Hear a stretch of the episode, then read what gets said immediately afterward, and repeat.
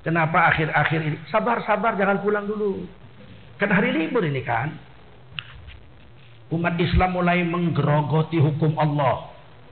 Apakah hati mereka sudah mati atau berlaku hadis Nabi kepada umat akhir zaman? Ya, berlaku hadis Nabi pada umat akhir zaman. Umat akhir zaman memang banyak yang rusak. Yang sialnya itu yang merusaknya itu ulama-ulama, dokter-dokter ahli agama. Baru-baru ini ada dokter namanya Abdul Aziz. Dibilangnya berzina itu baru berdosa kalau dilakukan di tempat umum. Monyet aja berzina di atas pohon sembunyi. Mana ada monyet berzina di pinggir jalan tol atau di pinggir lampu merah. Ini orang-orang rusak. Mau memang mau merusak Islam lah. Yang herannya dekannya, rektornya, profesor-profesor pengujinya meluluskan orang ini. Ini harusnya dipecat semua ini merusak agama, betul? Saya minta di Aceh ini kalau ada IAIN model begini, kita semua ulama teguh-teguh abu-abu tulis surat sama gubernur, pecat itu orang, betul? Mesti diberi sanksi. Kalau nggak rusak agama ini. Kalau orang bodoh merusak agama karena bodohnya. Tapi kalau orang pintar merusak agama kan bahaya. Ada seorang dokter lagi, nulis di Twitter, hanya gara-gara Idul Adha, hari raya korban, jutaan hewan disembelih dalam sehari. Perbuatan kejam yang tidak manusiawi. Waduh. Menjelmelih hewan korban itu perintah Allah. Fasalli li rabbika wanhar. Sembelih adzabhu. Dabah. Sembelih. Dibilangnya tidak manusiawi. Padahal dia tiap hari makan sate, makan ayam goreng. Apa dibikinnya sate yang dimakannya, ayam goreng yang dimakannya itu hewannya matinya digelitik-gelitik. Disembelih bos, betul? Yang bilang dokter, tamatan pesantren. Tamat dokternya dari Amerika. Rusak. Ada lagi yang bilang, dalam urusan politik jangan bawa-bawa agama. Loh, kita masuk WC aja bawa agama. Betul? Keluar WC aja bawa agama. Betul?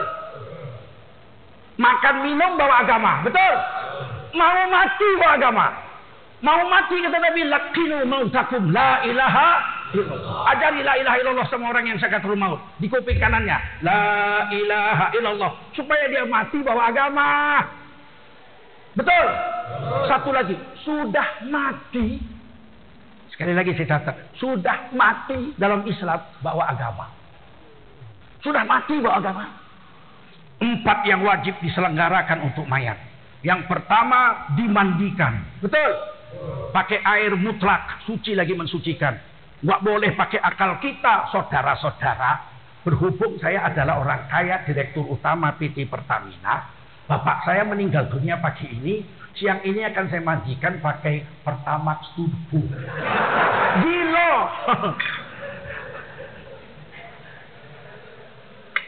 Nggak boleh, betul. Yang kedua dikapankan. Kata Nabi kapankan dengan kain katun. Jangan pakai sutra, haram, kemahalan, mubazir. Dan sunat warna putih, sunat warna putih, boleh warna lain. Tapi sunat warna putih, karena putih itu mahabbah, Allah memberi sayangnya, dicintai Allah. Makanya pakailah baju putih, kapankan mayat-mayatmu dengan kain putih, supaya Allah sayang. Paham? Apa nggak boleh baju merah? Boleh. Apa haram? Tidak. Cuman baju merah yang suka PDIP. Bukan Allah. Jadi yang merusak agama itu bukan orang-orang bodoh saja. Tapi orang pandai yang fulus, fulus, fulus. Sanggup dia bilang begini. Jangan bawa-bawa agama dalam politik. Ini yang bilang orang paling besar di negeri ini. Badannya kurus, tapi dia paling besar. Dia. Sudah. Ada lagi yang lebih parah, nyeleneh. Tahu nyeleneh? Profesor, doktor, ulama, tapi nyeleneh. Main-main sama agama. Kalau sholat itu apakah wajib merapatkan barisan sok-sok kita? Tidak usah, biar renggang-renggang nggak apa. Loh, kata Nabi renggang-renggang nanti setan berada di antara sok-sok yang renggang. Ya bagus, biar setannya ikut sholat. Loh, kapan setan ikut sholat, mah? setan bencong aja nggak mau ikut sholat. Astagfirullahaladzim. Ini menggerogoti agama. Apakah mereka sengaja? Sengaja. Apa mereka tidak takut agama rusak? Enggak. Karena dia bilang, Allah yang rusak kan cuma kita 10-20 orang. Yang memperbaikin kan ada Ustadz Baimun Jubir, ada Ustadz Lutfi Basori, ada Ustadz Abdul Somad, ada Ustadz Jaitun Rasmin, ada Ustadz Bakhtiar Nasir. Oh, yang memperbaiki ribu-ribu ribu-ribu. Yang rusak kan cuma kita sepuluh. Kita itu perlu duit, modal. Nah kita ambil duit dulu. Nanti kalau udah kita kira-kira udah kaya, kita tinggal mak celek tobat, mak celek. Karena kita tahu kita keliru, ada ilmu. Jadi tinggal mak celek tobat. Dia lupa baru mak belum celek, malaikat mau cabut dia punya nyawa. Hmm. Apakah zakat penghasilan 2,5% itu wajib? Iya. Kalau cukup nisabnya dan cukup haulnya. Nisabnya kalau Anda punya duit atau harta yang dibiarkan selama setahun senilai 82 gram emas kurang lebih. Jadi kalau sekarang 50 juta. Bapak Ibu punya uang 50 juta. Disimpan di lemari atau disimpan di bank syariah. 50 juta itu tidak diambil-ambil selama satu tahun haulnya. Karena ada sumber makan dari yang lain. Ada kebun sawit, ada kebun nilam, maka setelah setahun bapak ibu disebut orang kaya wajib bayar zakat dua setengah persen. Itu zakat harta. Bagaimana dengan penghasilan? Zakat penghasilan ini sama dengan zakat harta kalau dikumpulkan setahun nilai zakat penghasilannya itu menjadi hartanya senilai 82 gram emas. Jadi kalau dia gaji dokter satu bulan dia dapat gaji 20 juta dimakannya 5 juta kan sisa 15 juta selama satu tahun berarti kan ada 150 tambah 30 juta 180 juta setelah setahun penghasilannya itu dianggap sebagai harta jadi Imam Syafi'i tidak mengatakan ada zakat penghasilan tapi penghasilan yang setumpuk jadi setahun menjadilah dia harta dikenailah zakatnya dua setengah persen kepada ibu dan saudara boleh nggak? Nggak boleh kepada ibu nggak boleh. Zakat itu hanya boleh kepada samping. Saudara boleh, paman boleh, saudara kandung boleh, sepupu boleh. Tapi kalau bapak, ibu, kakek, nenek, buyut, unyang, anak, cucu, cicit, nggak boleh karena itu tanggungannya. Ibu saya itu wajib saya tanggung makannya sampai dia wafat. Tiba-tiba saya bilang, Bu, tenang. Tahun ini ibu saya tanggung, saya pakai uang zakat. Oh tidak sah, tidak sah membayar zakat kepada ibu, kepada bapak, kepada kakek, kepada buyut, kepada anak, kepada cucu dan cicit, nggak boleh. Wajibkah kita patuh pada pemimpin yang tidak kita yakini dalam banyak hal? Kalau orang itu hanya boleh ditaati satu aja. La ta'ata li makhlukin fi maksiatil khaliq. Kalau dalam rangka melawan Allah, siapa pun nggak boleh ditaati. Tapi kalau dalam rangka taat sama Allah, Bandit pun boleh ditaati. Kalau ucapannya itu mengajak taat. Misalnya bandit. Dia bilang, aku ini bandit. Jangan ikut saya. Saya ini memang perampok. Kalau kamu jangan ngerampok. Terus kita, ah nggak mau. Saya ikut saja merampok. Gitu. Ya tetap aja kalau dalam rangka taat sama Allah. Siapa pun yang bicara kita tidak peduli. Tapi kalau dalam rangka melawan Allah. Bapak kandung pun nggak boleh ditaati. Yuk nak mencuri kita nak. Ayam tetangga tuh gemuk-gemuk kan gitu tengok. Nanti malam kita curi. Tidak bisa ditaati. Yang melawan Allah SWT. Bagaimana kita menyikapi hidup umat yang selalu difitnah dan dihasut. Dan dikriminalisasi ulamanya. Umat Islam sendiri. Baik dari pihak unsur PKI dan lain-lain. Oh iya. Caranya kita itu pertama taat sama ulama. Di sini ada MPU. Ada abu-abu. Ada tengku Beliau-beliau inilah yang mengarahkan kita kepada jalan yang betul. Jangan cari jalan sendiri, sesat kita nanti. Kita bukan ahli agama, ikut ahli agama itu yang pertama. Siap? Siap. Yang kedua, umat Islam harus bersatu.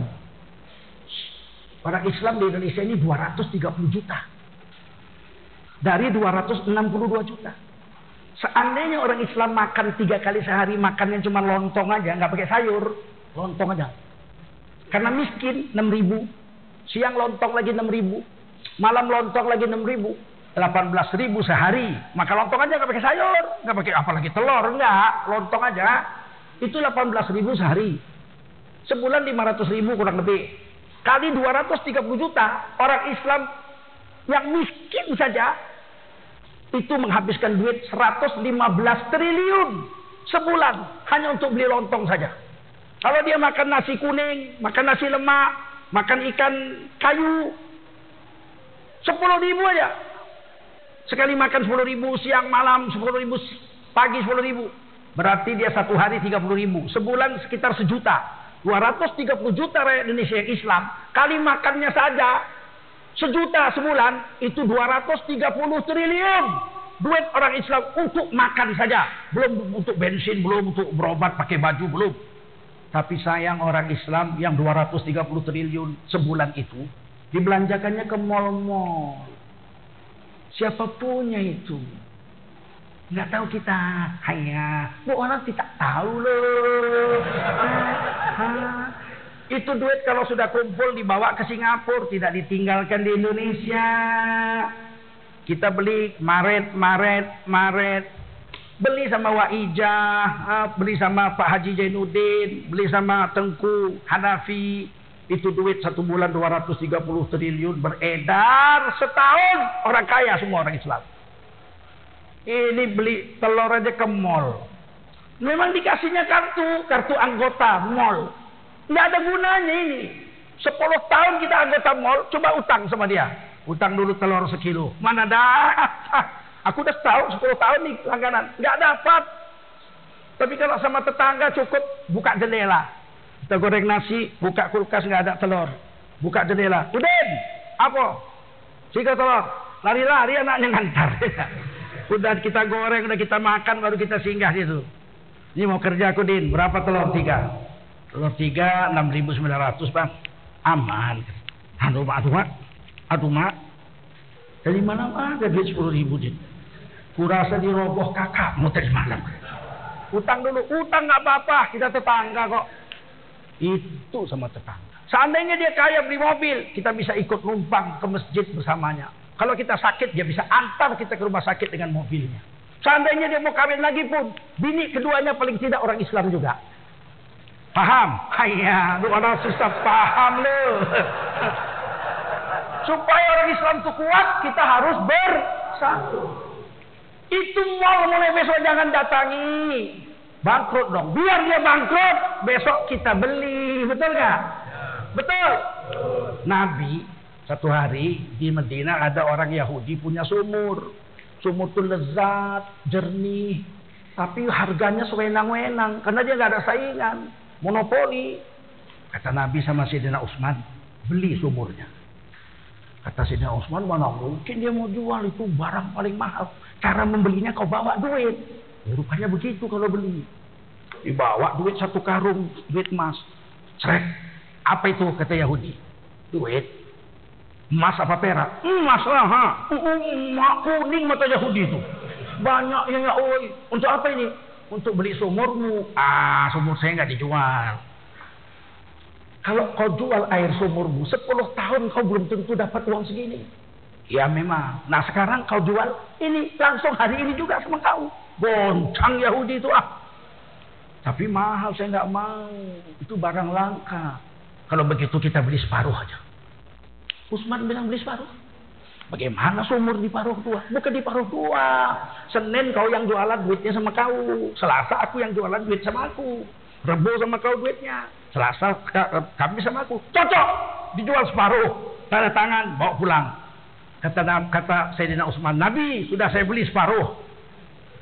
Maksudnya ya Senin sama dia duitnya, Selasa sama saya. Bagus. Sayyidina Utsman umumkan. Itu hari Selasa sumur saya punya. Silakan ambil air, bayar berapa mampu. Nggak pakai harga-harga. Senin Yahudi itu buka, nggak ada orang beli satu pun. Lalat hijau aja yang datang. Sampai malam. Besok Selasa semua orang beli. Orang Yahudi pun beli. Kepada Sayyidina Utsman. Beli untuk persediaan dua hari. Rebo Yahudi jaga lagi. nggak ada yang datang. Kemis penuh lagi untuk dua hari dibeli orang. Akhirnya Yahudi itu datang lagi. Usman, apa? Belilah separuh lagi sama kau. Jadi kita sunnah tidak belanja sama orang itu. Sampai dia bangkrut, kita yang beli. Pak Haji Sarul yang beli. Masya Allah. Hah? Pak Haji Usman yang beli. Sama kita. Siap untuk itu? Udah diajari Nabi kok dari zaman dulu. Ustadz usia saya 16 tahun. Nah, sudah akil balik lah.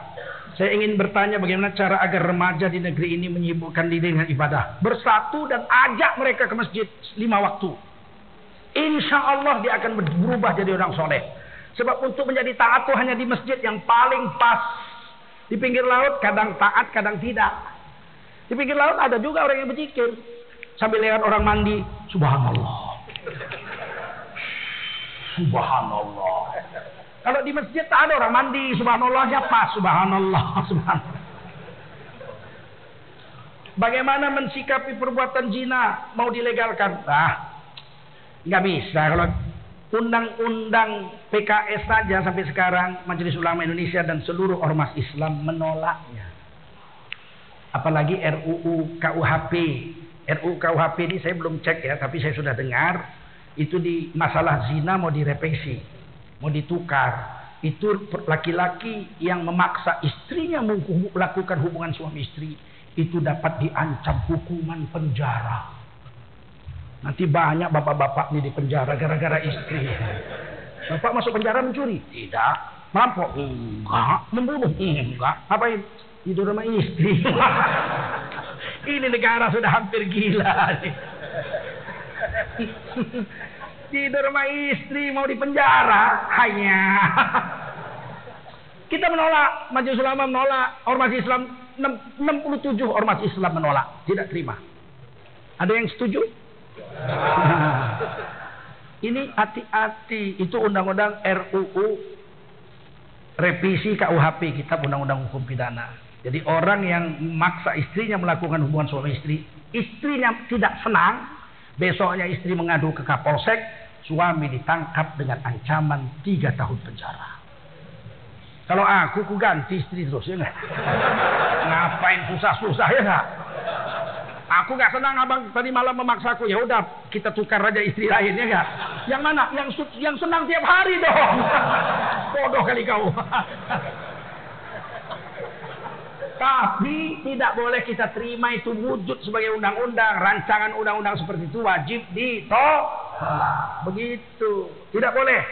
Kita harus bersatu. Kalau MUI bilang tolak, kita seluruh Indonesia wajib mengatakan tolak. Siap? Siap. Terima kasih. Lok Semawi. 19 tahun saya tidak kemari. Dulu masih kemari dengan Exxon Mobil adalah beberapa. Empat, tiga bulan, dua bulan sekali saya kemari. Tapi kerinduan saya dengan Aceh tidak bisa dipungkiri. Saya dakwah sampai ke Banda Aceh. Karena nenek saya orang Kuala Simpang, ya. orang Surway. Jadi kami tengku dari situ. Jadi memang separuh orang Aceh lah saya. Walaupun ibu saya orang Cina.